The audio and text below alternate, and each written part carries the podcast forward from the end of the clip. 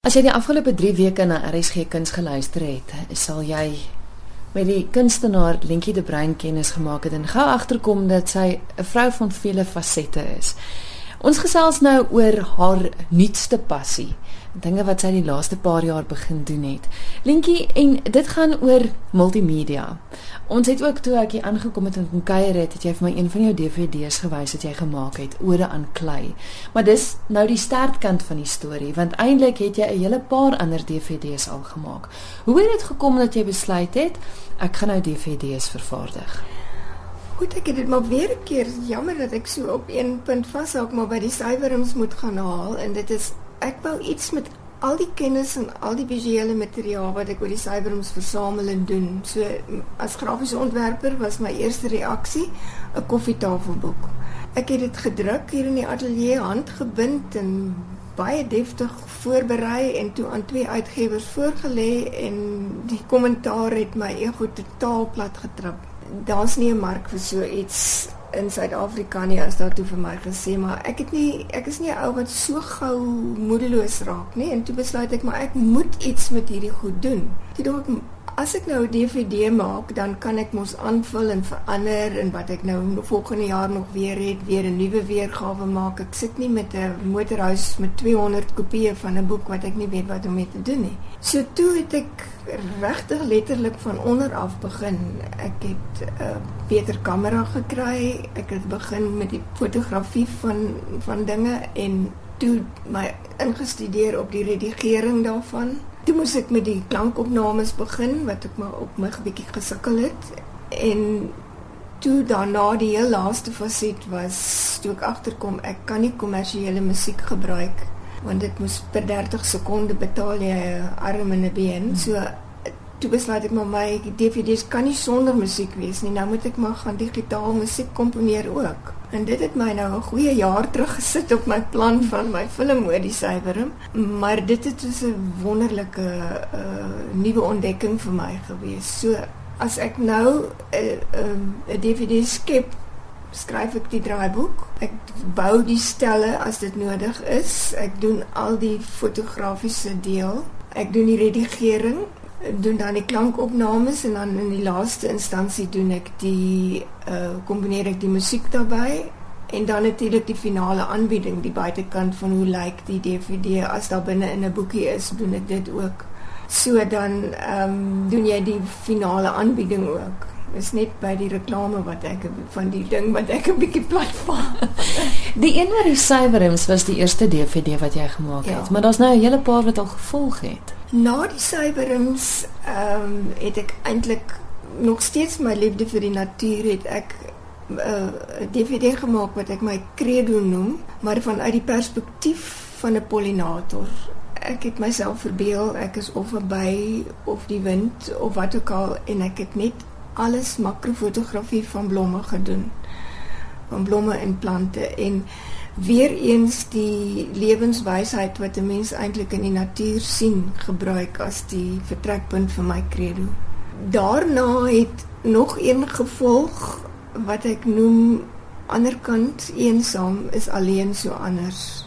Vir my Afrikaans is so ryk aan gevoelswaarde in die woorde en daar's vir my so wesenlike verskil tussen die woord alleen en eensaam. Alleen ek is 'n alleen soort mens in elk geval. Ek ek het nie 'n probleem om alleen te wees nie, maar die skeidslyntjie tussen alleen en dan omdraai in die amper negatiewe destruktiewe selfbejammerende alleen mm -hmm. moet jy teenwaak nou.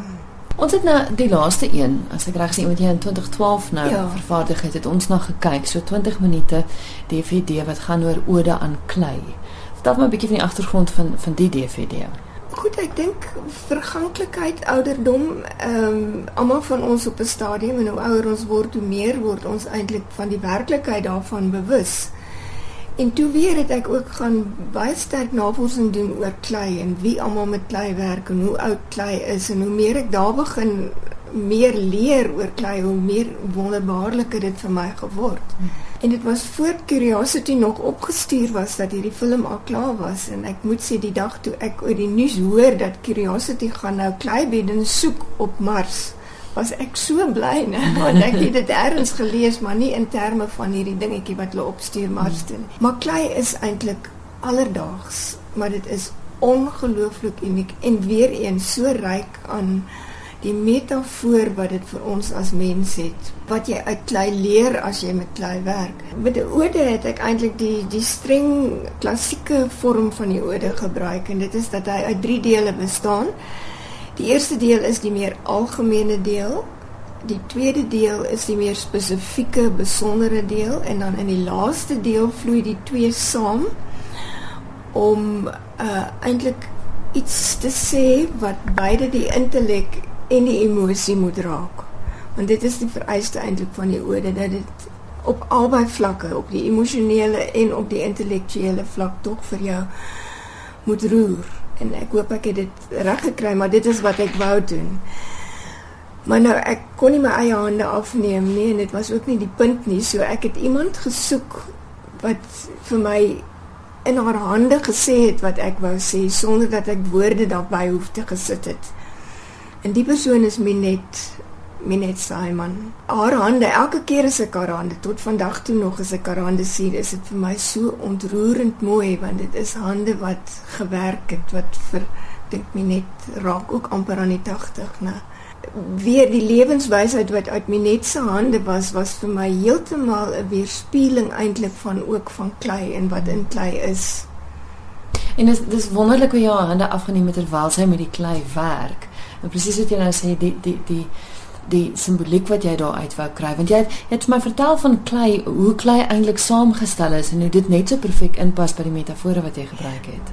Ja, ja, klei um, is is plat plaatjies wat ehm um, as klei klam is dan is daar om hierdie plat blaadjie 'n waterskede en en daai waterskede maak die klei dat dit glip en gly en dat jy dit moet brei en en dat dit vorm aanneem. Maar dit het, maar die kleiplaatjie het ook 'n positiewe lading en 'n negatiewe lading.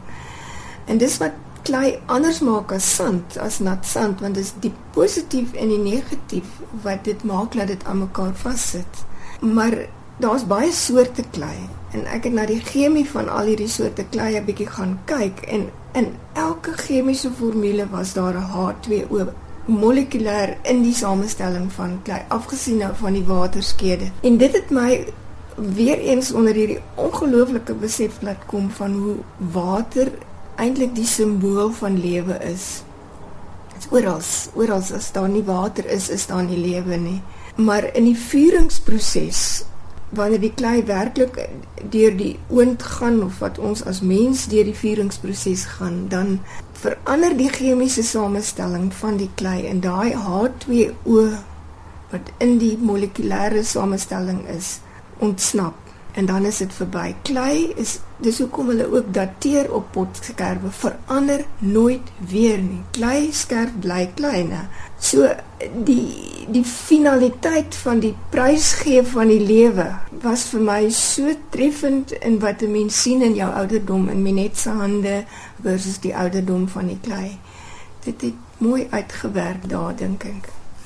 Ek het nou vroeër genoem dat ek en jy het gesit en kyk na die DVD. Soos ek verstaan, is luisteraars welkom om jou te bel en te sê ons wil vreeslik graag kom kyk na die DVD, ons wil kom kyk na jou kunswerke en soos ek verstaan is jou huis oop. Ja, ek het eintlik uh, begin met die idee dat my my films dat mense klein groepies kan bymekaar maak. Ek noem dit klikfliek. Jy maak jou eie klikkie bymekaar, nie meer as 8 mense nie dan maak sluit ek my fliekhuisie wat so in die boomtoppe is, sluit ek vir julle oop en dan kan julle van my DVD's kom kyk en die idee is dat ons dan na die tyd daaroor gesels. Ek bedoel daar's baie leserskringe.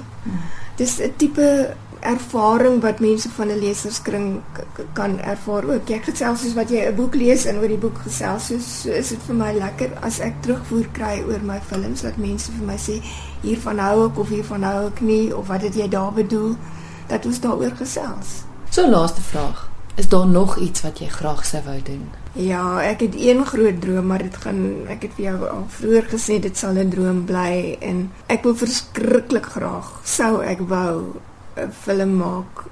Maar ek ken my beperkings en ek ken my omstandighede se beperkings, maar 'n film wou maak oor asem van die eerste teug by geboorte tot die laaste sug by die dood, né?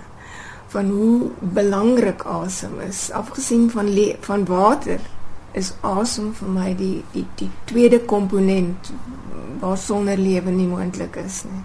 En dat 'n mens met min woorde eintlik besef hoe belangrik asem is, hoe konstruktief en hoe destruktief, hoe skepend ook mense wat blaasinstrumente speel sal ook vir jou sê as ek emosioneel is kan ek vandag nie speel nie asem 'n sanger hoe belangrik is asem nou Wel ek het jou leer ken as 'n vrou wat nie sommer gaan lê nie en ek dink vir die feit dat jy jou hele lewe lank drome gehad het is hoekom jy is waar jy is vandag. So mag daai droom voortleef en uh, ek hoop ons gesels nog eendag oor ja. daai droom.